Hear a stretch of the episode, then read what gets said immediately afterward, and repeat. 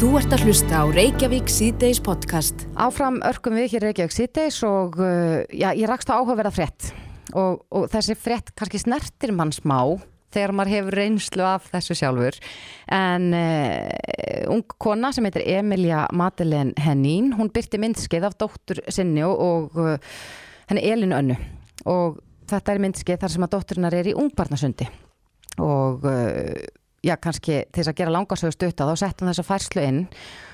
Og það hafa hvorki meira en í minna en 58 miljónir manns séð þetta myndband á Instagram. Já, svo kallar væral Já, væral, Hva, hvað heiti, hvernig segir maður það á Já, rosa íslensku? erfitt með einhvern veginn en, en hérna, ég held að skilja, skil, fólk skilja það er þegar að, þegar að hérna, eitthvað á internetinu fer eins og eldur í sinu Já. út um allt En þetta myndband var tekið upp í ungbarnasundi hjá honum Snorra Magnúsinni, þróskaþjálfa og íþróttakennarinn. Hann er já, frumkvöðl og eitt sá allra vinsælist í sínu fæ og við erum komin í samband við hann Snorra. Blessaður og sæl. Komið þið sæl. Já, ungbarnasund. Ég hef nú verið með eitt barn í sundi og þér og það var algjörlega einstöku upplifun þannig að, að ég er kannski ekki alveg hlutlaus í þessu máli en, en erum við löngu búin að vakna til vitundar um, um hversu já, gaglegt og indislegt þetta er? Já, hluti af fólki með svo stíð. Það er talið um að séu cirka 35% af, af fóruldrum sem fara með bötið sín í ungbarnasund hérna á Íslandi. Og við erum mjög, það er mjög há prósustala með við nákvæmlega löndin, sko. Þetta er þekkist í það, en þá eru að tala um kannski 7, 8, 9% sko. Akkurat. Svo í, í Skandinavíu. Já, en hver er svona, uh, hvað græðir maður á því að fara með ungbörn í sund? Sko það er að kenna ungbarnasund á svo margan hátt. allt, allt frá því bara að leifa börnum að upplifa bara vatn og mjög yfirveðan og rólegan notalega hátt upp í það að vera svolítið svona aktífur og ég kenni þetta þannig að ég hef ákveðin markmið og það er eiginlega eina markmið sem ég er ekki með það er að kenna barnasinda Akkurat, en ég er, er að vinna með allt annars ég er að vinna með kringlamyndun ég er að vinna með hreyfitróskan ég er að vinna með uh, örfun uh, bara eftirtækt og aðtikli og samhæfingu Mhm. ég er að vinna með takt og söng og gleði akkurat, og uh, styrk já. En og við sem, erum að tala um börn sem ég tekur yngst svona kannski tekja og háls þriggja mánu Mhm.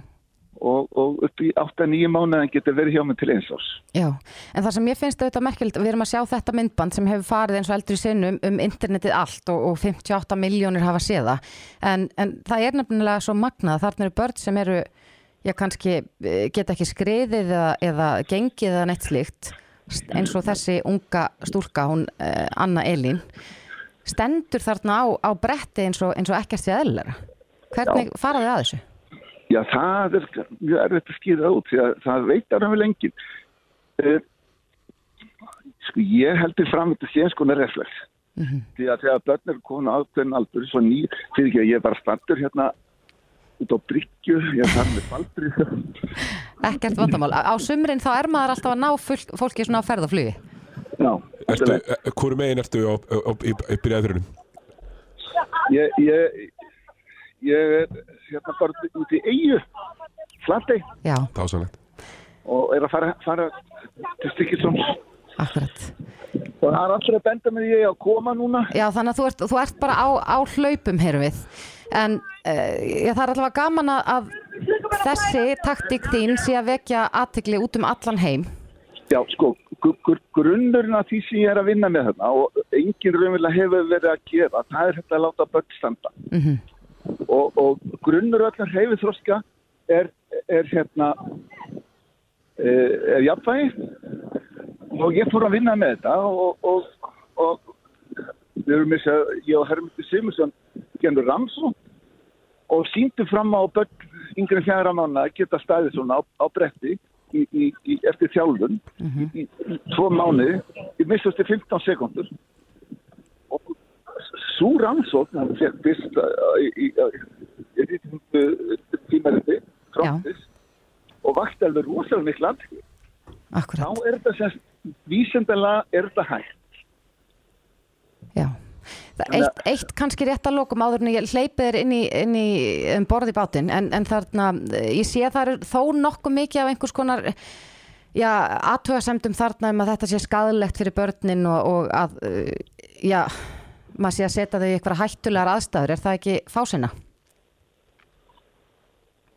Já, við, ég er náttúrulega lætt vatnið standa þarna og það er alveg möguleiki að það betti ofan í, í vatnið en þá eru þessi börn tilbúin til, hérna, að, til að fara í kapp. Það er ákveðin reflekti fyrir gang þegar börn falla Mm -hmm. en, það, en þetta gerist ekki hjá mér. Börn er ekki þetta. En, en auðvitað er það svona virka svolítið svakalegt sérstaklega við erum svolítið herra upp Já, og kannski sérstaklega fyrir þá sem að þekka ekki ungbarna sund. og, og sjáðu framann hérna, eftir 16 sekundur Mm hvað, hvað barnið er ánátt með sig og, og það sem það er að gera.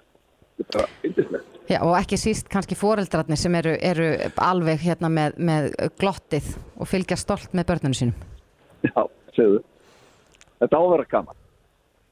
En börnin sem ég er með þau koma tvisari viku og hver tími klukkutími og, og það er raunlega fjórfalt meira heldur en aðra þjóðir er að gera. Ég vil þetta bara einu sem viku hálftími senn. Þannig að, að það sést mjög vel á börnum sem eru búin að vera í svona þjálfum. Akkurat. Hvað var það styrk og, og, og, og afgerðið þeirra.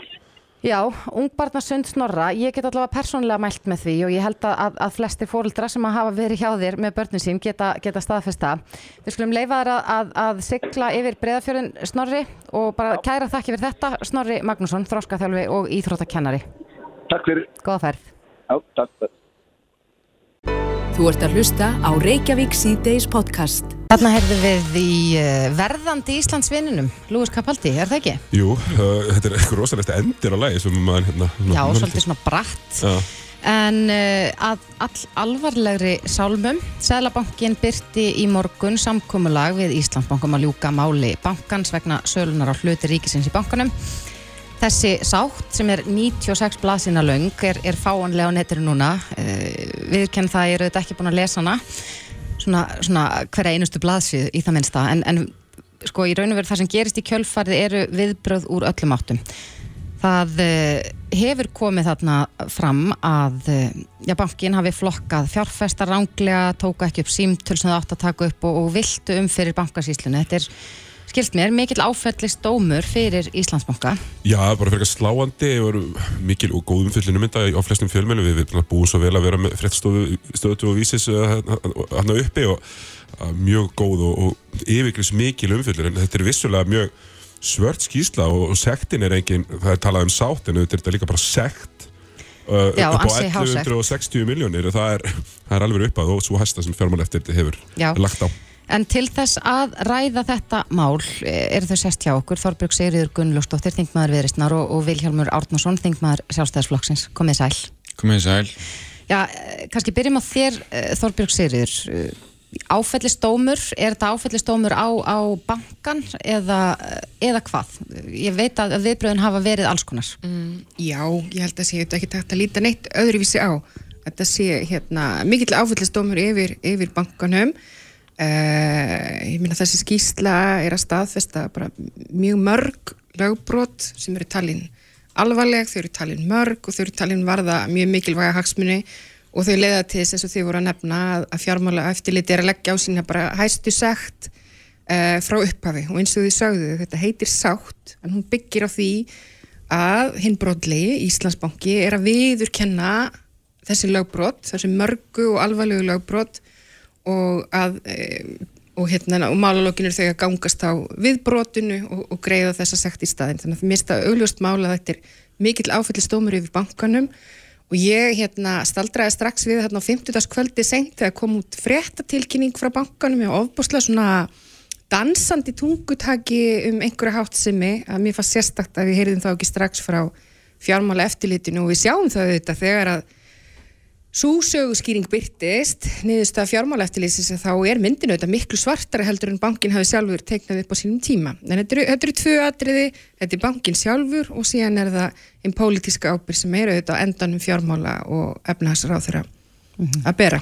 Já, Viljámur, uh, já þetta er eins og viðbröðin hafa gefið til kynna, þetta er, er graf alvarlegt og gríðarlega hásækt. Hver er ábyrð þeirra sem er, er, formaður þínsflokks í þessu máli? Já, mér finnst það mitt svolítið ódýrt hjá veriðsna komið hér og, og, og benda á það þegar að það er augljóst að það kerfi sem við höfum verið að búa til hérna undanfærin tíu ári eða rúmlega svo til þess að auka trausta fjármálakerfinu að það kerfi hjælt þarna og, og þess vegna er þessi háa sekt komin að því að það var síðast 2015 sem við settum inn í laugin hækkum við sektirn og gerðum það þannig að það er svona stjórnvalssektir sem að leiðir að þessari sátt er að út af því að lög voru brotin að það var tryggt á að þetta myndi taka verulega í og vera hérna sína alvarleika brotana þannig að og við skulum líka átt okkur af því að eftir hrun var ábyrð stjórnmálamanna svolítið fjarlæð frá hérna bankunum og sett inn í bankasísluna sem skipaði á sínu tíma stjórn Íslandsbanka og það er að fjármálastofnum sem voru meirulhutta eigu ríkisins sem að skipa svo stjórnundu bankana mm. og undanferðin ár hefur fjármálaráðara og formaða sjálfsáflustins haft framgöngum það að bæta fjármála eða reglu fjármálakerfisins til þess að auka þetta traust og eftirlitið og annað slíkt. Og það er það sem er niðurstofan þarna. Þarna var brotin þau lög og því kemur þessi sekt og svo eftir að sjá hvaða frekar afleðingar þetta verður. Hvort að eigundu bankans munu breyðast við og kæra einhverja til öruglu eða gera frekari láta einhverja sæta frekari ábyrð þarna inn í því Hérna, nú stóð alltaf til að selja meira af bankarum öll slíka áfórum hljóta að vera í algjör uppnáfi uh, Alls ekki, að því að, að, að við þurfum náttúrulega að halda bara áfram á þessi banki hérna á ekkert að vera í ofinbreygu og, og hérna þannig að þetta breytir engum þau. Þetta er kannski eina sem þetta breytir frekar er bara að Íslandsbanki mun ekkert koma frekar að þeirri sölu af því að það er ekki traust og þeirri fjármálastofnun og hún er, hérna, er búin að brota lög þannig að og það er það sem að bankasíslan er vantilega að skoða núna að bankasíslan kemur að tveimur þáttum að þessu máli. Annars vegar að samningur hérna millir þeirra, viðskiptarsamningu millir bankasíslunar og Íslandsbanka er þarna brotin og hvernig ætla bankasíslan að bregðast við því? Og svo er fer bankasíslan eins og það áðan með eignarhut ríkisins í fjármálaráður fyrir ekki meðan aktar ekki akkart Íslandsbanka það er bankasíslan og, og þannig að það er það tvenn sem að bankasíslan þarf að gera núna. Mm. þannig að Við erum búin að fara í gegnum tvö mismunandi ferli á sölu Íslandsbanka þannig að svo bara förum við þriðja ferli sem við metum hakamast og best fyrir ríkisjóð því og það er alveg ótengt þessu máli. Þorbjörg, þú, þú bendur ábyrð fjármálur á þeirri þessu og hér í viðtali við Morgunblæði talar þú um, um og minnist á viðtali við Bjarnar Benditsson í Kastlösi 14. november þar sem hann mm -hmm. segir að, að pólitísk ábyrð hans á sölunni fælist í að standa vel að sölu ríkisegna og að lagalega ber hann ábyrð á framkvæm bankasölunar. Mm -hmm. eh, hvernig, hvernig lýsir þú svona þinni afstöðu? Út frá þessu? Já, kannski fyrst aldrei hans við þessi orð Vilhjáms bara minns ágætt að vinnufélag um að það sé ódýrt hér uh, að benda á það augljósa. Hann er yfirmaður og hann er þessara sölu, hann er maður sem sett hann að pólitíst á dagskrá. Þegar að fyrir hluti sölunar þótti uh, ganga vel uh, þá hérna var Bjarni Beinilsson mjög ófeimin við að mæti viðtölu og tala um sína ábyrð á þessu ferli og þetta hefði allt saman lukast vel auðvitað er ábyrðin ekki bara bundin við sko góða þætti sölu. Hann talar um þetta sjálfur eins og nefnir hérna Þórdís að, að hans ábyrð pólitíst sé svo að standa vel að sölu ríkisegna. Ég held að allur almenningur sem að les núna og fær fréttir af því hvernig að þessu var staðið, fá mjög sterklega er að fá núna viðkjönda þessi tilfinning sem við höfðum um það hefði ekki verið vel staðið að þessu er bara rétt. Þannig að það er fyrsti punkturinn. Pólitíst var vel staðið að sölu á Íslandsbanka sem var í eigu alls almennings? Nei.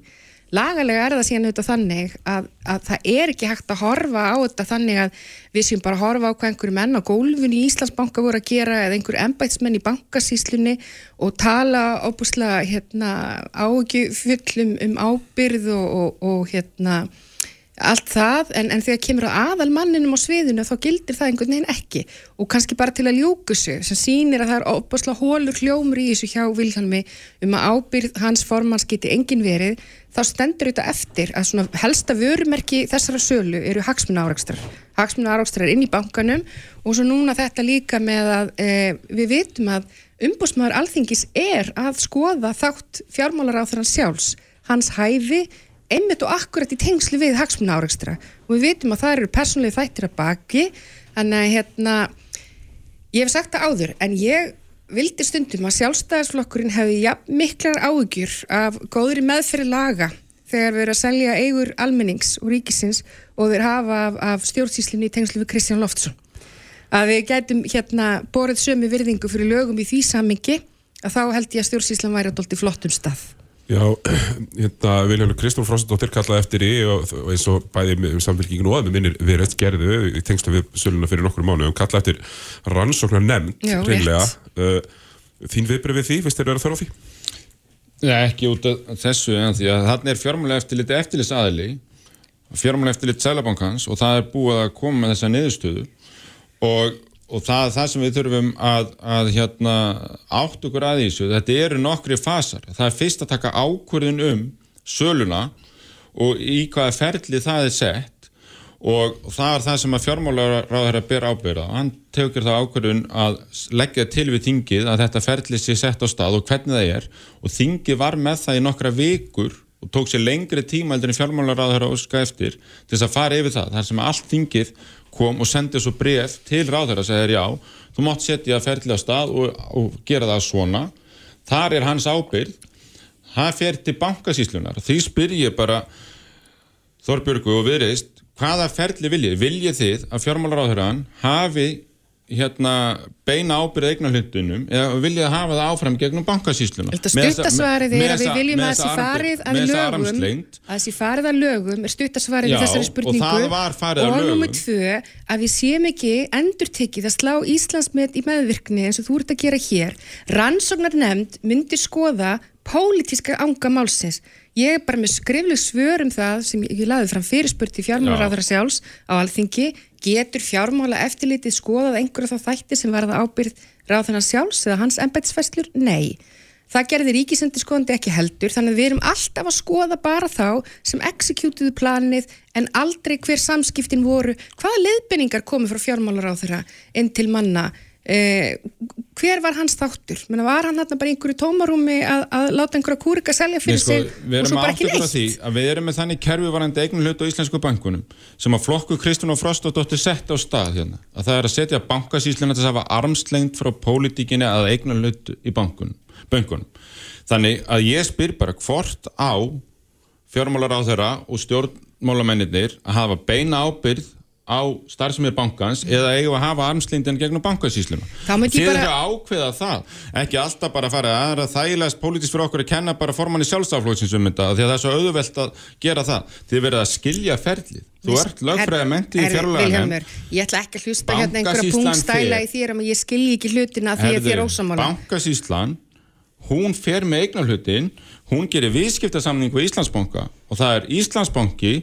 á viðskiptarsamninginu sem er að brjóta lög og eftirlitskerfið er að brjóta þau lög sem við erum búin að vera að byggja hérna upp að því við viljum hafa tröst á fjármálamarkaðinu. En er það ekki staðinett Vilhelmur að þið eru búin að leggja niður bankasísluna? Við erum ekki búin að leggja niður, nei. Það er búin að senda út fréttatilingum frá þínum formannum það að bankasíslan verði lög niður sem aflegging af þessari sölu Ég held að fórsættisráður hefur verið að segja það síðast í dag að það verði ekki selt meira fyrir en að það búið ákveða nýtt fyrirkomulag. Þannig því samingi finnst mér ótrúlega ódýrt að setja hér og segja að ég get ekki svara því hvernig Bjarni ætlar að selja. Það er ykkar svara. En, en, en fyrsta um krafa er að fara að lögum. Já, en, en eins og Þorbruk Sigur benda og ég las hérna upp uh, já, orð Bjarnar Bendissonar fyrir skemstu þar sem hann talar sjálfar um að hann lagalega ber hann ábyrð á, á uh, framkvæmt bankasölunar Já. heyrir þar ekki undir þessi lögbrot sem að, að við sjáum í þessari sátt? Jú, það er það sem ég er að segja það er, það er ákverðun um það að selja og hvernig það er gert og þarna var ákveðið að leifa hérna fagfjárfestum að kaupa og þetta er hérna í svo kallu og lokuð útbóði eitthvað svolítið aðferð það er þenn pólitíska ábyrgin nær þangað og það var það sem að þingið samþykti og fól bankasýslunni þá að selja eignar hlut ríkisins með þeim. Þá gerir bankasýslan hérna viðskiptasamningu Íslandsbanka og fleiri fjármálafyrirtæki um það að sjá um að selja þetta svona og það er þar sem að lögbrotin fara fram í einhverjum viðskiptasamningi þar bara eins og við erum að bjóða eitthvað út sko. Þannig að er þá pólitísk ábyrðin engin í, í raun og veru? Pólitíska ábyrðin var um það hvernig salan var sett á stað en svo sá sem framkvæmdana fyrir bankasýsluna það er ábyrð stjórna Íslandsbanka að þeir brutu lögin og þar situr ábyrðin þannig að núna þurfa eigendur Íslandsbanka ákveða hvernig ætlum við að sæta ábyrð og láta okkar starfsmenn ábyrð á því að hafa brotið lög við það að framkvæma viðskiptasamningu bankasýslu ríkisins. En sko, nú hefur þessi eh, já, salan á, á þessum hluti Íslandsbanka verið til umræði lengi og, og alveg ljóst að það eru kannski ekki öll kurl komandi grafa. Núna erum við að sjá þessa sátt, eða þetta samkomulag en stjórnarnarstaðan hefur lengi talað fyrir rannsóknarnemnd og, og eh, sjálfstæðisflokkurinn ásamt annara eh, flokka í ríkistjórn taka ekki undir það. Hver, hver eru helstu rökin gegn því að, að það verði sett á fót já, óháð rannsóknar nefnd alþingis líkt og við sáum hérna eftir hrun. sem getur skoða ferlið allt Já, það er bara því að, þetta eru tilegendu stofnanir og við erum með Sælabankunum fyrirmælega til þess að skoða þennan frænganda þátt sem er í gangi þarna og lauruglu og það er bara á þetta að, að vera svo höfum við haft ríkisendurskoðun og umbóðsmann aldingis annað sem er að skoða hinn pólitiska þáttin fyrir ofan. Þannig að, að það, þetta liggur allt fyrir og staðan fyrir að vera að eða fullt af peningum og tíma í eitthvað sem er sem er búið að fara yfir og er í ferli. Þannig að, að ég sé ekki hverju það er að bæta við að því við verum átt okkur á því að það var samfélging sem setti þau lög hér að það er því bankasýsla sem myndi tryggja þessa armslind. Þannig við þurfum bara að taka ákvörðunum að setja sölunast á hvernig. Svo er framkvæmdin og meðferð á eignarlutunum hjá bankasýslunni og hún fær svo einhverja undir aðala og, og þannig að fjármálaráður getur ekki borið ábyrðöldum skattsvikum að því að skattalögin heyrir undir hann sko. Þannig en að- aflengin er að svo þetta þarf að vera alveg á bankasalan hreinu hefur, aflengin er svo pólitísk sem segir auðvitað allt sem segja þarf um árangurinn að frekari sölu verður ekki framhaldið þrátt fyrir að það hafi verið stefna ríkistjórnarinn að selja að þá geta þau ekki lengur. Það kemur alveg skýrt fram á hálfu vinstir grætna og framsunaflokksins að það er ekki eins og traust innan ríkistjórnarinn til þess að halda áfram. En með því að hafna rannsóknar nefnd þá er svarið einfallega það að það megi skoða alla þætti málsins svo lengi sem þess nert ekki pólitík. En aðalatir er bara hér að við erum búin að setja upp skýrlög að því við viljum hafa tröst á fjármálastofnunum og fjármálakerfinu hérna. Því erum við búin að setja skýra leikreglur sem að Íslandsbanki var ekki búin að innleiða við erum búin að setja skýr viðurlög sem Íslandsbanki lendir þá í núna. Og hérna við erum búin að setja skýr lög um eftirlitsstarfsemina og það var einmitt eftirlitskerfið sem að uppgötaði þessi lögbrot og gerði sekt út af þeim. Hérna, svona eitt, eitt af þessu, menn að ríkja á ennþá hvað, 40% í bankanum. Uh, Þorbjörg, finnst þér, finnst þér að það að setja pressu á, á stjórn og, og, og bankastjóra í Íslandsbanka? Menn að ríki er vantilega stærsti hlutaðin uh, eða er þetta bara að taka sektina á kassan og áfram gakk Hvað áttu við með pressu? pressu hvort að, að stjórnin og bankastjórnin þurfi ekki að bera já, meiri ábyrð heldur en að bankin borgi sektina Ég menna, ég held að eins og kemur fram í þessari niðurstu hjá fjármála eftirlitinu og þá er trösti stórkostlega laskað. Þannig að, að hérna, ég sé ekki hvernig að það úr því verður bætt. Eh, Þannig að ég, ég, hérna, ég finn það bara með mig sjálfa, ég ber ekki, ekki lengur, ekki tröst til þessar aðila um, og ríki munar um þessa fjármunni. Þetta er, þetta er, þetta er, þetta er almanna eign, þetta er ríkis eign, þá átt að selja hana þess að, og nota þetta fjármagn í, hérna, byggja upp innvið og greiða niður skuldir, það verður ekki gert. Það segir ótrúlega mikið um það hver árangurinn raunverulega varð. Tröstið er ekkert. Nei, við ætlum að segja að spyrja um tröst til fjármálakerfisins inn á vísa.is næsta sólringin, þannig að við hvetjum fólk til þess að, að taka þátt í því. En Þorbjörg Sigriður Gunnlausdóttir, þingmaður Virisnar og Vilhjálmur Árnason, þingmaður sjálfstæðsflokksins. Kærar, þakki fyrir komin. Takk fyrir Þetta er Reykjavík C-Days podcast. Já, það er fleira í fréttum Þórdís heldur en uh, já, heldur en Mandráp og uh, Rúsland og Íslandsbanki það kom út uh, ný íslensk rannsókn á, á svona aðstæðum uh, á vinnumarkað og sérstaklega gagvart á feitum konum Já, og þetta, þessi rannsókn hefur leitt í ljós mikla fordóma á íslensku vinnumarkaði gagvart feitum konum og uh, já, til dæmis að, að laun geta verið alltaf 10% lægri. Uh, eru, þetta var rannsókn sem að, uh, hún Steinun Helga Sigurðardóttir hjókunarfræðingur leitti og uh, hún tók við til sjökonur sem vinna ólík störf bæði á ofnbjörnumarkaði og almennum og segir að það var svona rauður þráður í gegnum þessi viðtöl og að þessar konur þessar feitu konur hafi, já bara eiginlega orðið fyrir ofbeldi á vinnumarkaði og var beintengt við holdafar þeirra. Akkurat. Ég held nú einhvern veginn að við værum komin lengra heldur um þetta sem samfélag að vera einhvern veginn að dæma fólk út frá holdafari og hvað þá greiða fólk í laun út frá holdafari. En eh, hvað segja samtök um líkamsvirðingu um þetta og línun hjá okkur er Berglind Sofja Blöndal, næringafræðingur og formaður samtakana. Komdu sæl.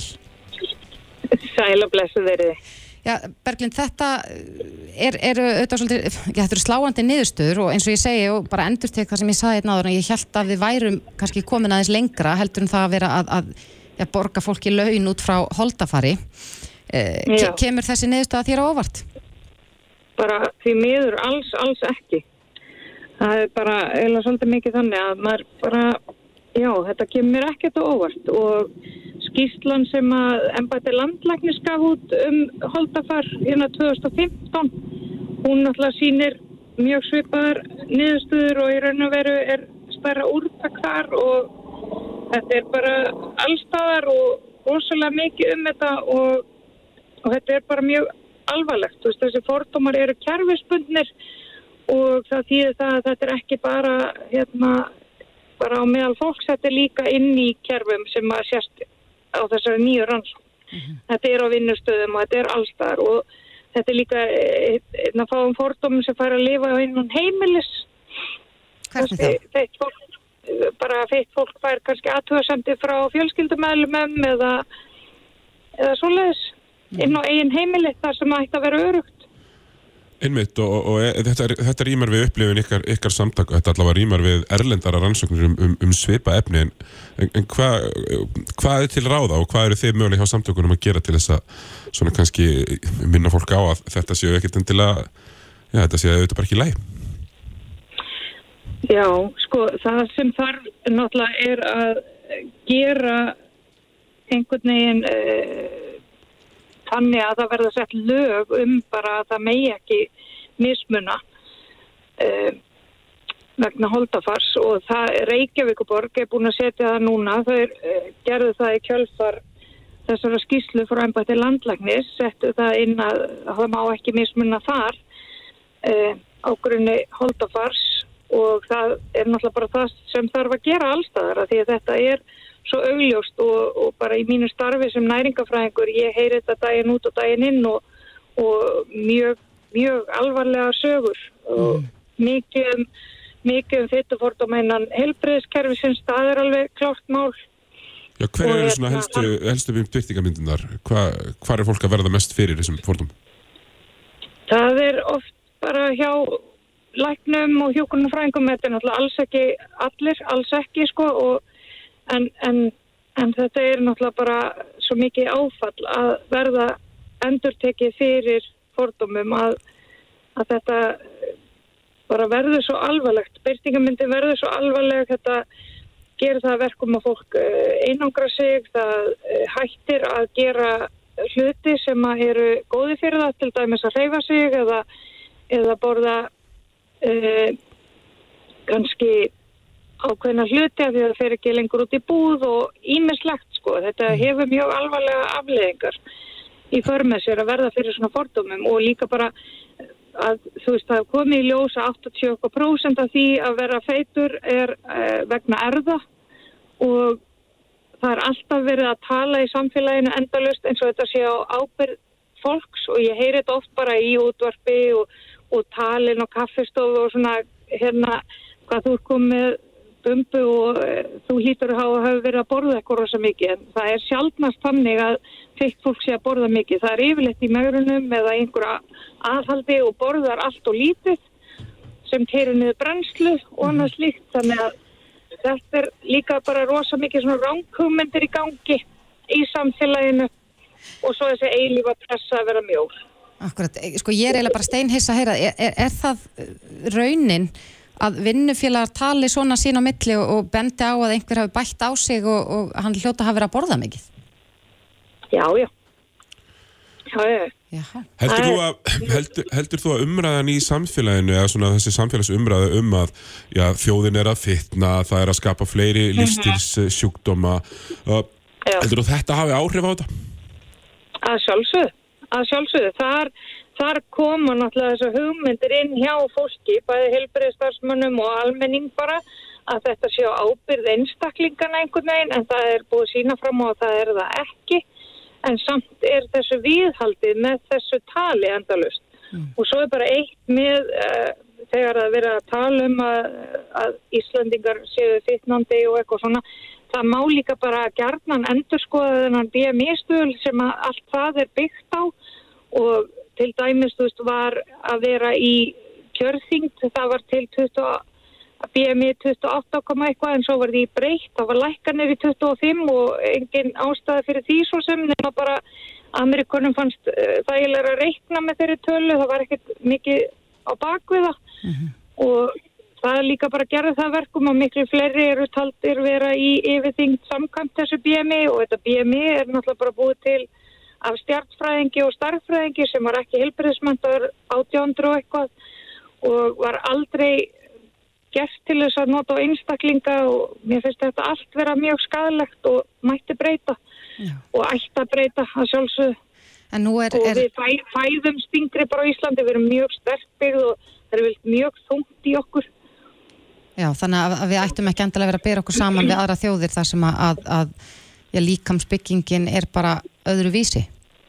alls, bara alls ekki, við erum nýkomin úr torkofunum þannig að séð sko og- bara, hefur alltaf verið gott fyrir okkur að hafa hans utan á okkur í kuldanum og svona.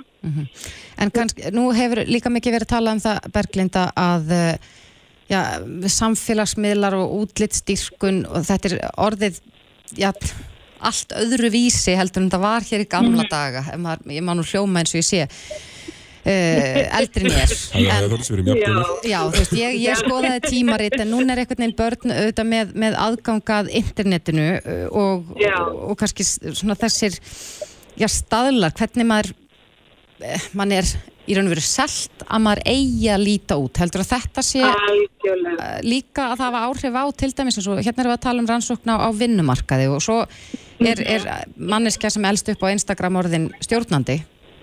Akkurat hefur þetta áhrif? Já, já, að sjálfsögðu. A, og þessi samfélagslega pressa er svo mikil að, og ég veit það bara því ég er mikið að vinna með fólk með ádraskanir og þetta er bara gríðarlega erfitt að fyrir fólk með ádraskanir að vera síðast að heyra það að þessi sé að reyna að borða minna og þessi sé að forðast þetta úr mataræðinu út af því þeir sáu einhvern á TikTok eða guðum að vita hvað og svo frammeðis, þetta er svona alltaf tryggjurandi, svona eh, færðu alltaf aftur í þessa áturskunar hugsanir og þetta er bara orðið mjög erfitt umhverfi að vera í bata frá áturskun í dag. Sem er mjög, mjög alvarlegu sjúkdómur og Já. þetta er bara, já. En, ég en, er alltaf að reyna að hvetja fólk til að hættum að kommenta eða vera alltaf að tala um líka með annara finnum eitthvað annað til að tala um sem er merkilegra heldur en útlit okkar. Já, en, en þú myndist aðeins á hérna áðan, Berglind, á, á þessa uh, rannsókn sem að- að landlæknis embætti Já. gerði árið 2015 uh, og svo, svo rannsókn í raun og veru segir það sama og þessi nýja rannsóknina Steinar Helgu. Hefur, hefur eitthvað verið aðhafst í því að reyna að vinna uh, úr þeim niðurstöðum og, og, og minka fordómana? Nei, ekki, ekki nægilega mikið, bara eiginlega alls ekki, fyrir miður. Mér finnst reyndar sko, það, síðan, sko þegar ég var í náminu þá lærði ég um fyttu fordóma og hérna, og fór í kjölfarið bara að fá virkilegan áhuga á þessu fyrirbæri sem ég bara hafði ekki hirt um fyrr og núna er þetta komið inn í kjensluna á fleiri stöðum innan helbriðsvísenda og mætti svo sannlega bara vera tekið bara frá grunnskóla að því það er mest, mestastriðni í grunnskóla er vegna holdafars og hérna og bara eins og við sjáum í þessar nýju rannsókn að þetta er á vinnustöðum, þetta er út um allt í samfélaginu, helbriðskerfinu og við bara ver, verðum virkilega bara að taka okkur á og bara það þarf að útrýma þessu, þetta er gjörsamlega fáránlegt og á ekki heima, þú veist, í góðu samfélagi þar sem við eigum að bera virðingu fyrir öllum sama hvernig þeir eru. Akkurat. Er það ekki bara, bara ágættis uh, loka orðið í þessu? Hérna, bera virðingu fyrir öllum, saman hvernig þeir eru? Ég held það. Berglind Sofía Blöndal, næringafræðingur og formaður samtaka um líkamsverðingu. Kærar þakkir fyrir þetta. Takk sem við leiðis, hafið það gott. Þetta er Reykjavík C-Days podcast.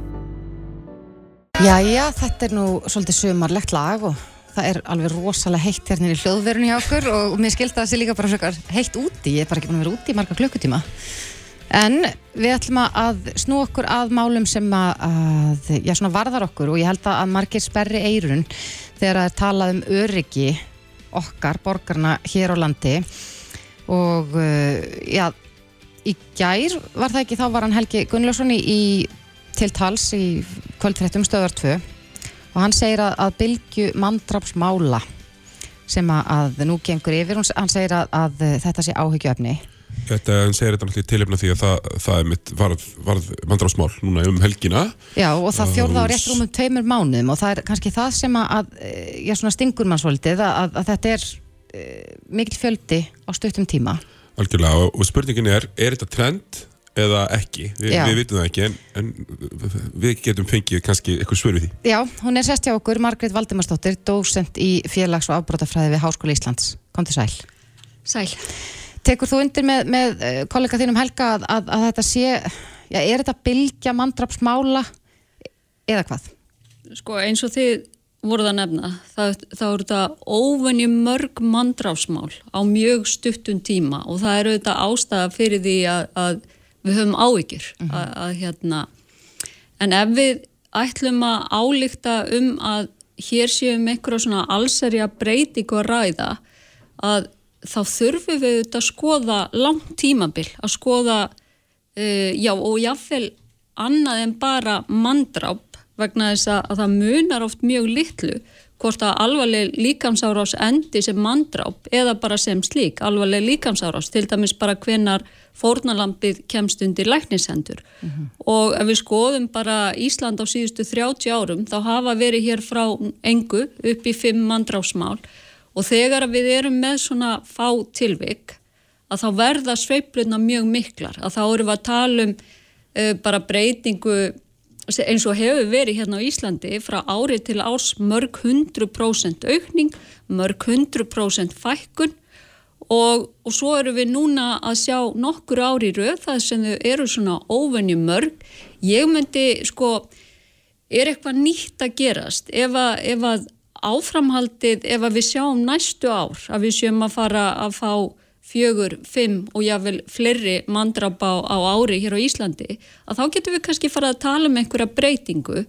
En sko og ég skil alveg að fólk hafa áhyggjur, þetta eru mörg mandrásmál og hvert mál er það alvarlegt að, að það svona vekur upp óta en nei, ég myndi ekki hérna, draga þá álíktun með við þær upplýsingar sem við höfum í dag, þá myndi ég reynlega ekki gera það.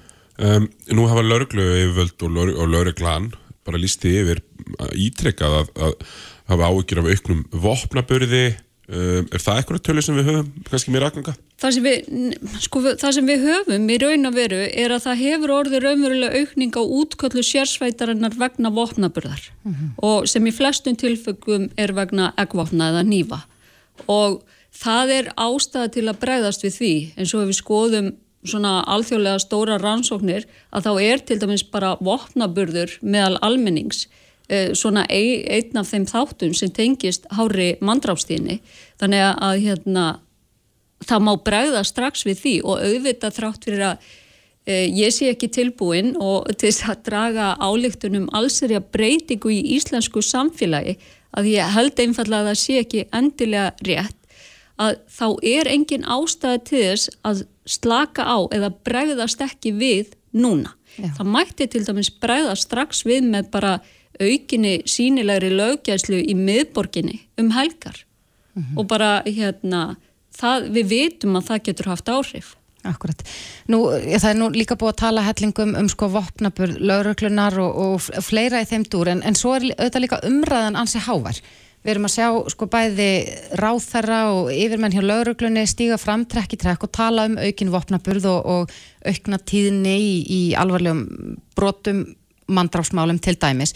Heldur að, að, að þetta geti haft áhrif að, já, ef maður heyrir sífælt að, að það séu já, mjög margir vopnaðir að, að fólk fari þá að vopnast það, það held ég að sé góðu punktur og, og það er alveg í samræmið við það sem að, að við höfum verið að sjá í rannsóknum bara frá öðru löndum að svona allserjar uh, upplifið ógn í samfélaginu er ekki til þess fallin að draga úr vopnaburði heldur auk, aukan mm. og, og hérna Og ég er ekki að, hérna, með því að segja þetta þá er ég ekki að segja að fólk er ekki að tala um ástandið eins og það blasir við. En það er samt, um, það er samt þannig að almenningur hefur enga sérstaka ástæðu til þess að óttast öryggi sitt eitthvað frekar í dag heldur en fyrir 30 ára. Mm. Það hefur alltaf verið þannig á Íslandi að hér sé fólk sem beitir samborgara sína ofbeldi því meður. En það er samt ekki þannig að við getum dreyja einhverja allsærja álygtun að hér sé hættulegt að búa í dag. Vegna þess að, að það er einfallega ekki rétt. Nei. Erum við hér á Íslandi, skor, hvernig skorum við því alþjóðlum sambyrði? Hvað var það við... og, og, og, og önnur slíkmál?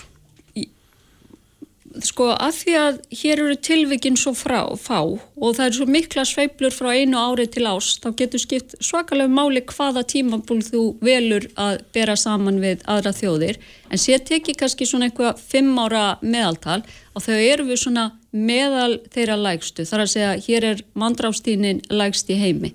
Og svona síðustu árum þá hefur reynda Noregur verið með lægri tíni en við og, og hérna, en við erum svona meðal þeirra tíu þjóða í heiminum sem hefur lægstu mandráfstíni. Mm -hmm. En, en uh, já, ef við skoðum söguna og, og ég, maður býst allavega við því að þeirra að vera að skoða svona tölur og tölfræði að, að það hljóta að vera tekið inn í myndina að, að við Íslendingar erum auðvitað miklu fleiri en við vorum hér fyrir 30 árum síðan. Akkurát. En, og svo eru, eru einhverju sem að, að vilja draga það álituna að já, til dæmis uh, auki hlutfall af, af sko, aðfluttum Íslandingum að það hafi áhrif á eh, aukna tíðinni alvarleira glæpa er hægt að, að setja eitthvað sama sem merkir þarna á milli? Sko það, einmitt, það hefur mikið verið að tala um þessar allsherja breytingu sem hefur átt sér stað á íslensku samfélagi á undanfjörnum árum sem er mm bara hárjöft. Ísland hefur breyst mjög mikið frá því sem var 1990-2000 hér hefur íbúafjöldi hefur aukist um 100.000 og hér eru bara fjöldin allur að ferðamönnum ári hverju sem var ekki raunin fyrir 20 árum.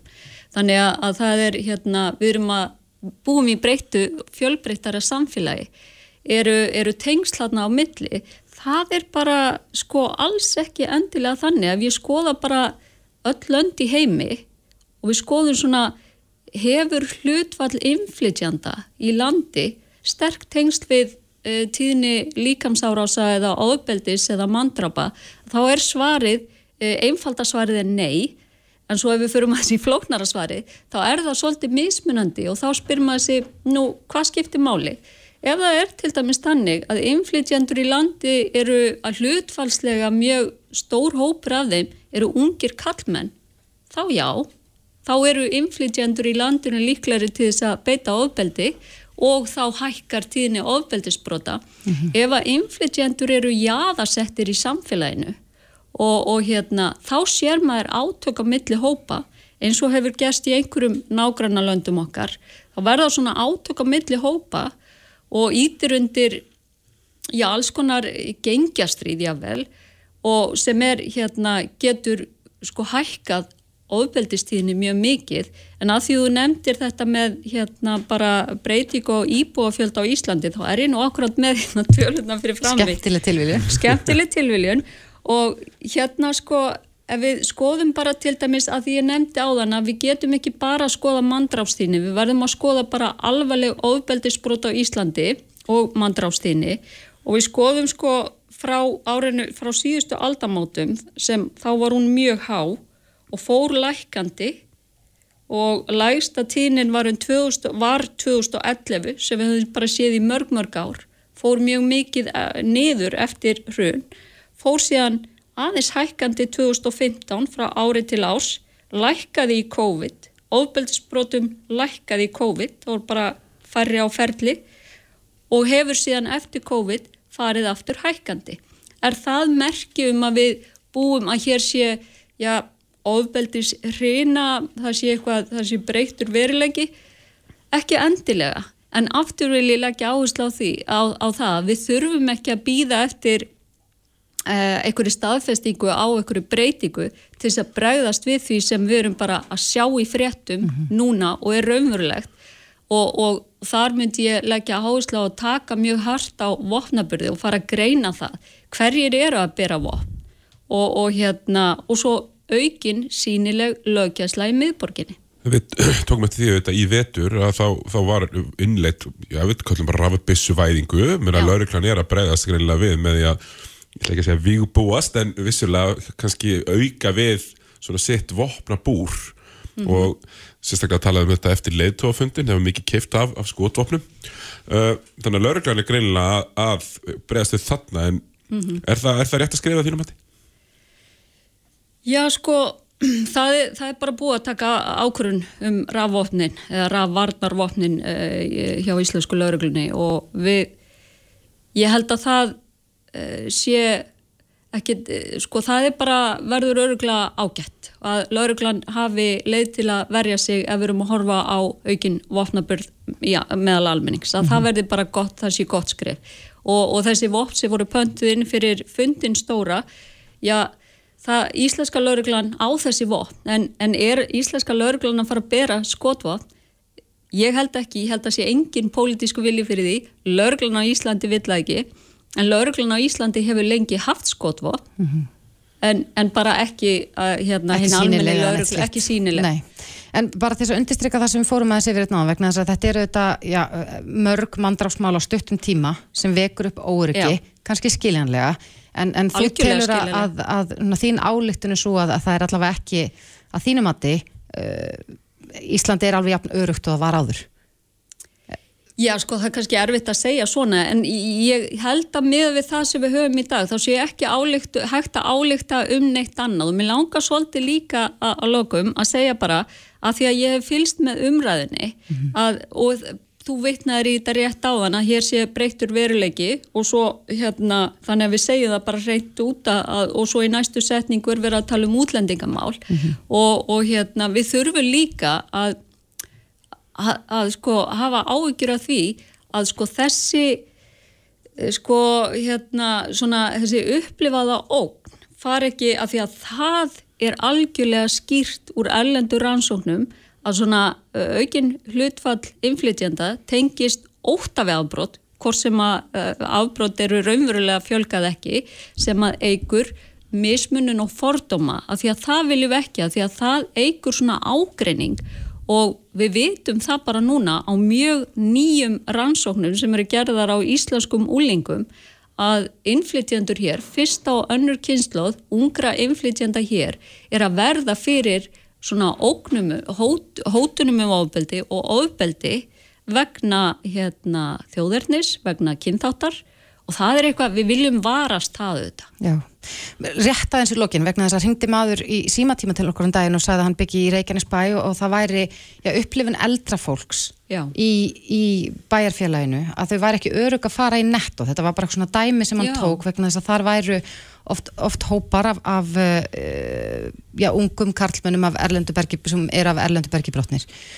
Uh, er, er, er, er þetta dæmi um það sem þú varst að lýsa hérna, að, að sko Já, ég... þegar að umræðin er orðin þannig að það sé ekki lengur örugt að fara út í búð Já, að, að þá byrjar fólk að upplifa óta sem kannski á ekkit endilega stóð í, í raunveruleikunum Kanski, en svo vil ég heldur ekki draga í efa upplifin einhver sem að, að hérna, ég hef ekkert eitt neinum tíma uh, á þessu slóðum og ég, ef fólk upplifir þetta þá kannski það, það, ég vil ekki sitja hér og segja að þeirra upplifun sé raung Nei. en það byrtist þarna grein í heimildinni sem hún Margret Martensdóttir skrifaði mynd um þetta ástand og svona hérna, maður skilur óta og sko ég hef búið í samfélagi þar sem að allir eru stöðugt hrættir við að verða fyrir ofbeldi og afbrotum af samborgarunum sínum.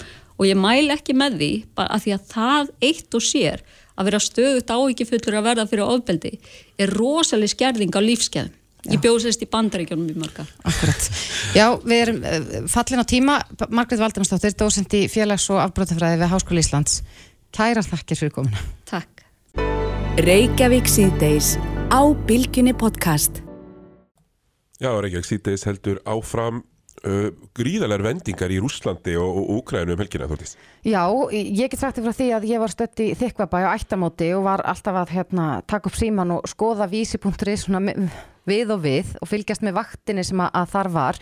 En það eru þetta, ég dró svo sannlega til tíðinda um helgina og nú eru svona margir sem að velta fyrir sér hver, hver verða næstu skref, hver eru eftirmálar þessa, já, þessa máls. Einmitt, það, þessir, þessir Wagner liðar, svo kallar og, og, og leittögi þeirra, hann Príkosín, þeir svona vittist vera að færa sig all harkalega upp á skafti, en það verðist það svona ja, dreigið úr því, en það er spurning hver, hversu, hver langtíma áhrifin af þessu og svona hvort að hver, hvernig stendur Putin eftir þetta og við erum nú með uh, já, þann mann sem getur örugglega sagt okkur best frá því á linnu, Baldur Þorvaldsson stjórnarfrækur. Blessaður sæl Baldur. Komið þið sæl.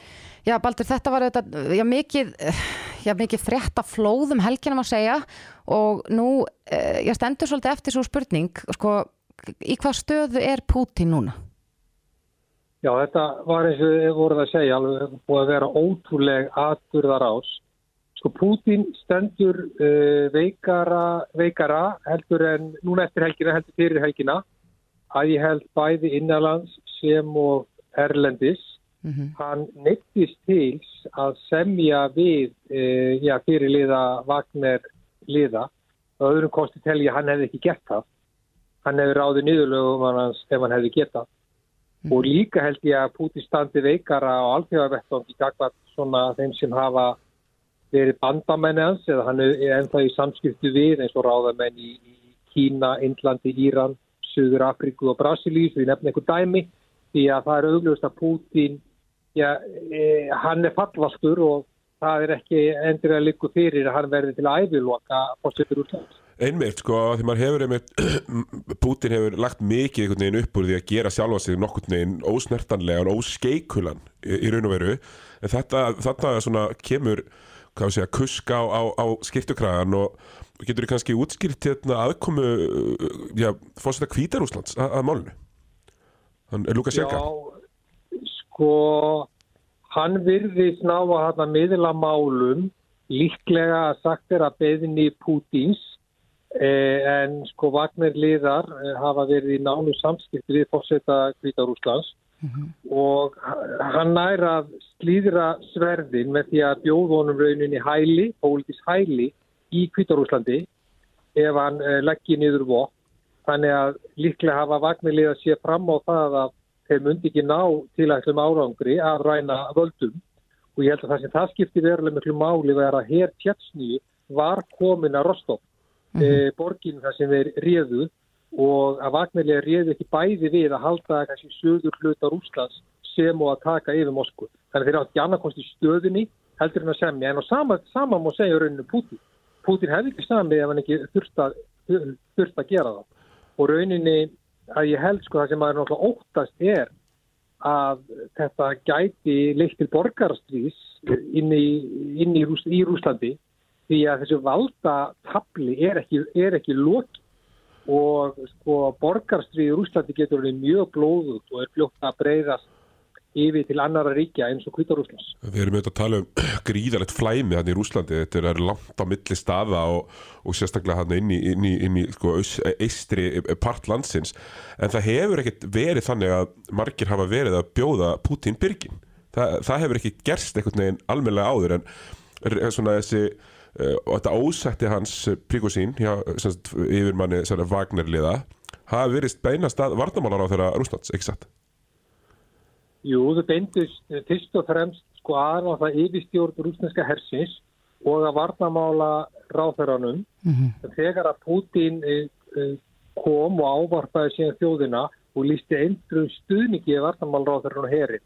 Þá snerust vagnarliðar gegn Pútini, Pútini sjálfum en kannski ástæðan fyrir því að vagnarliðar láta til skara skrýða var svo að herin, já þá Pútin og vartamálráðurinn, vildi fá að rauninni bara taka yfir stjórn vagnarliðahópsins. Ekki lengur hafa þetta sjálfstæðan málaliðahóp heldur að færa það undir yfirstjórn rúsneska hersins og mm -hmm. það gáttu þeir ekki sætt, sætt, sætt sig við. Já. Og það er alveg rétt sem hún segir, já, sko, það hefur engin náðu að okna Putin fyrir en núna, en það hefur hann einfallega bara ráðið ráði þá dögum sem, sem uh, það hafa alltaf að gera. Akkurat. Uh, hann, Jón Ólásson, professor í Rúslands fræðum, var gestur í Sprengisandi hér á bylginni í gær og hann segir að það sé ákveðin byðstaða sem er nú er komin upp og, og þú tjáðir þið nú líka um þetta á Facebook í dag og, og, og talar um að, að sko, þessu valdatabli er ekki lokið. En uh, hver er staða Vagnir liðana núna og hans príkosinn? Er, er hann í, í mikill hættu? Sko í augnablikinu lítur það fannig út að vagnir liðar séu komnir undir stjórn sko rúsneska hersins í Úkrænu. Þeir, þeir eru komnir aftur á vikstöðarnar eða á leiðin á vikstöðarnar í Úkrænu. Mm -hmm. Það er einnig talið að þessi 4-5.000 vagnir liðar undir vopnun í Afríku og uh, maður gerir kannski ráð fyrir samkvæmt nýjustu fréttum að þeir séu komið undir stjórn beint heyri núna beint undir stjórn ráðamann í Kreml, þó við vitum það ekki. En ég kannski held að sko ástæðan fyrir því að, e, að Putin og, og hans e, nánuðu samstagsmenn þarna ráðu ekki yfir mér vagnirliða af dögum sé svo að þeir óttist að vagnirliða sjálfur þá e, munu bara grípa til, grípa til vopna og hefja upprist. Þess vegna kannski eru, eru fórustum en vagnirliða kannski óhullnir ennþá Já. en ég held að þeir getum ekki sofið, sofið rólegir. Nei, en, en þessi vagnir liðar svona fyrir þá sem að kannski þekkja ekki þennan hóp, þeir hafa löngum verið taldið sko öfgafyllri heldur en, heldur en, en já, Rúslands herr og, og jafnvel hafi framið já, enn alvarlegri glæpi heldur en, heldur en já, Putin og, og hans fólk. Já, en þeir eru samt sem áður, þeir, þessi hópur er hópur málarlega sem er rauninni sem stopnaður af Putin og ráðamönnum í Kreml líklega 2013-2014 og eitt af þeirra fyrstu verkefnum var til dæmis að taka yfir Krimskaga, þessi málarlega sem rúsnesk stjórnur neitu að heyruðu beint undir þá. En auðvitað gerðu þeir það, gerðu þeir það og samt að hafa þeir auðlast, þeirra var þessi málarlega auðlast ákveðið leiti sjálfstætt líf þó að þessi hafi verið í nánum tengslum við rúsneska herin og unni með honum. Mm. En það hefur kastað þarna í kekki og það hefur verið mikill ágreifningur annars vegar á milli vagnirleðana, þetta málaliða og rúsneska hersins, hvernig ég haga strísrestrunum í Úkræðinu. Uh, myndir þið segja, Valdur, að hvernig myndir þið stöður og stöðu innræðsvarinnar í Úkræðinu núna? Veikir þetta, veikir þetta rúsa í, í þeirri, þeirri hérna, já þeirra, hvað, ég voru að segja, framgangi í, í, í Úkræn? Já, í augnablikinu gerir það það meðan að ekki er alveg, alveg ljóst að vagnir liðar rúsneski herin gangi í, gangi í takt. E, maður getur meðal ímynda sér að e, það takir tíma að ná sattum. Gleimum því ekki, sko það voru átök á milli málarlegana, vagnarhópsins og rúsneska hersins og einhverju letur lífið í átökunum um, um helgina og þetta ætti að auðvelda framgang úkrænska hersins en nákvæmlega hvernig þetta fer vituð ekki.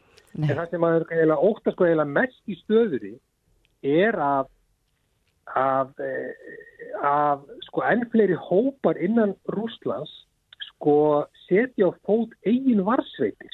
Við vitum að til dæmis að stórfyrirtæki Gazprom, Rúslands ríkisfyrirtæki, er orðinni eigin hersveit og við vitum það líka að margir eh, sko auðmenn og fyrirtækina Rúsland hafa eigin varsveit sem eru að vopnast. Þannig við erum að horfa fram á samfélag þar sem fyrirtæki, ríkir einstaklingar hafa eigin varsveitir og ef að kasta til kekki milli þeirra gæti við hort fram á mjög alvarlegt og blóðu sko borgarastríð og það sem hefur mestur á að gera af ekki bara þá mannfalli sem getur orðið í því stríði heldur það breyðist út og líka að hver mun þá ráða yfir kjartolku vopnabúri Rúslas ef að átökinn breyðast út innanlands og einhverju kem komast til valda sem er kannski enn ofbeldisfyllri heldur en ráða, núverði ráðaminn í krams. Mm -hmm. Já, ég, við, við gætum eflust tala lengi um þetta enda, enda já, nokkuð flókimál og mikil óvisa sem að já, fylgir atbyrðum helgarinnar en uh, við verðum að fá að eiga það inni Baldur, ertu, ertu kannski rétt að lokum, ertu áhyggjufullur?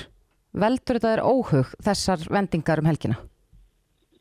Já, sko, ég er áhyggjufullur.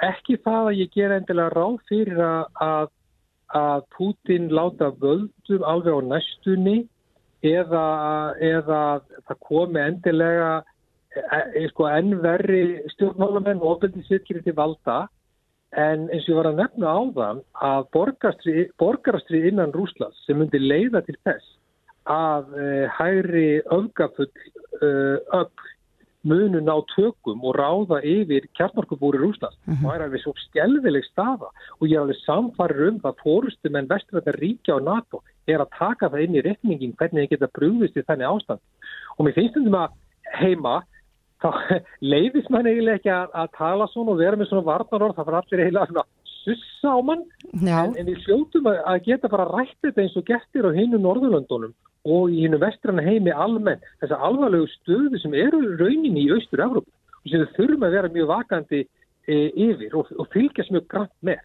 Já. Já, við tökum undir það með þér og, og, og höldum samtalenu gangandi en Baldur Þóraldsson, professor í stjórnmálafræði við Háskóli Íslands. Kæra þakki fyrir þetta. Takk ykkur, verðið bless.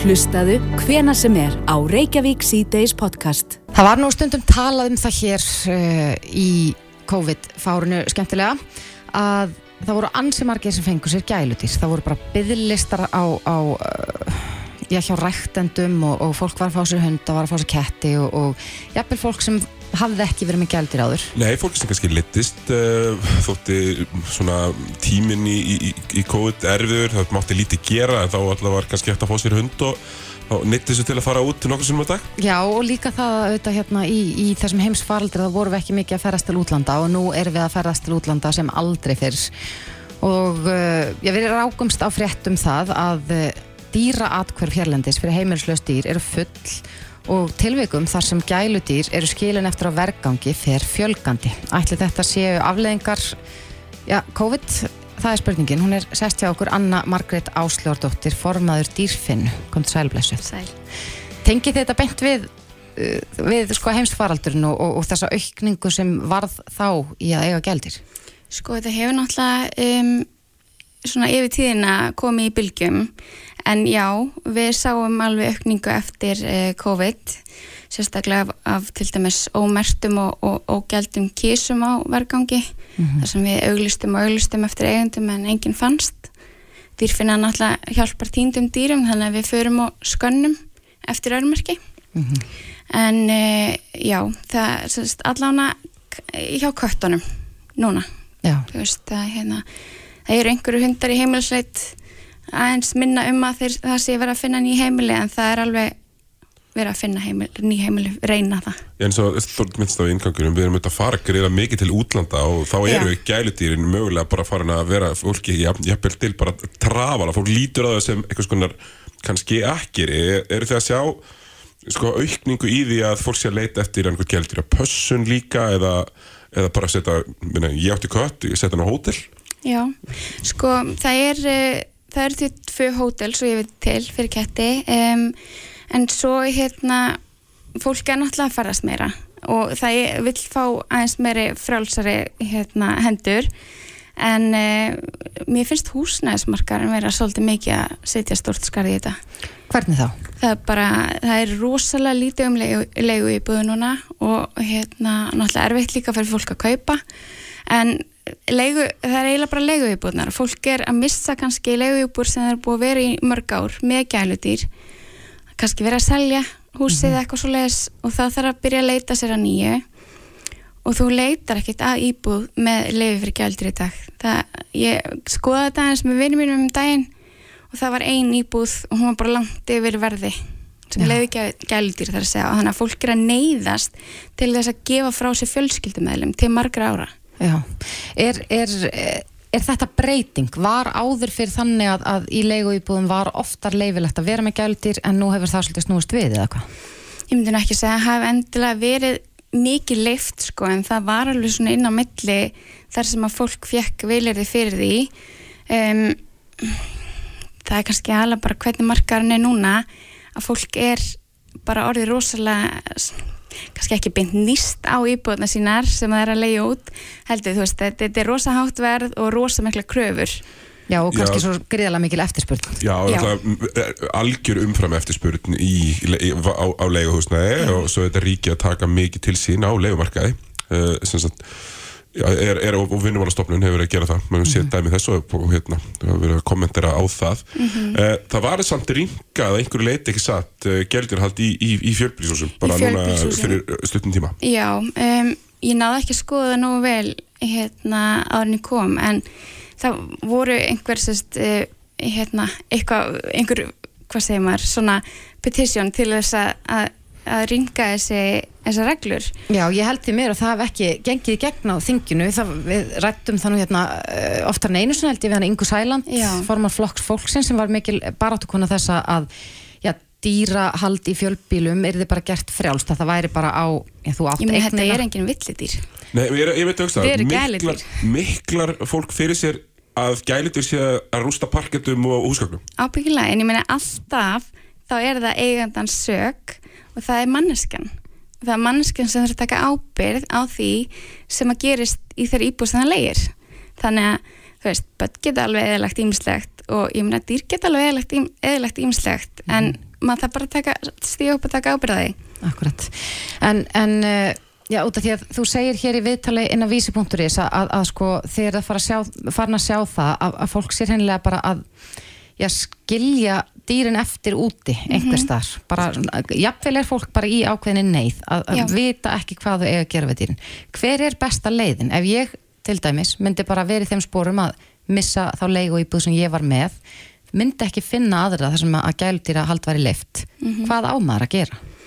Það er náttúrulega alltaf hægt að tala við, þú veist, þú ert með kött, þú getur tala við kattholt, þú getur tala við villiketti, þú getur tala við e, dýrihjálp Íslands, veist, þannig að það er alveg ímsa leiðir og, og fólk þarf ekki að enda á því að henda þeim út eða ætlast til þess að einhver annar grípu þau, sem sagt, ekki einhver samtök, skiluru.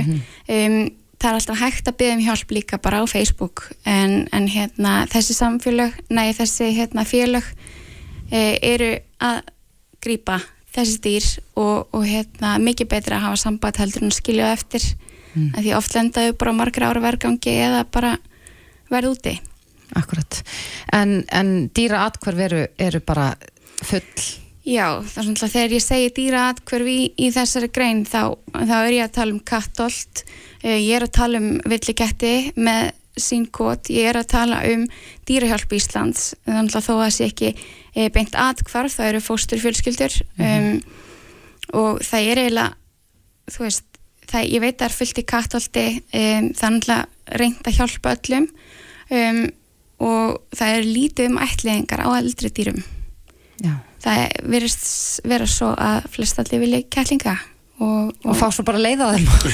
Já, ég meina það er rosalega mikil vinna og það er kostnaður að vera með kettling uh, ég meina þeir klifra í gardinum skilur þeir eigðilegja leðursofa þeir bara, þeir eru að taka út allt þetta þetta krakkadót, skilur En allir fólk hugsa það bara, æ, en þeir eru svo sætir. þeir eru svo sætir en þeir eru svo sætir svo stuttan tíma.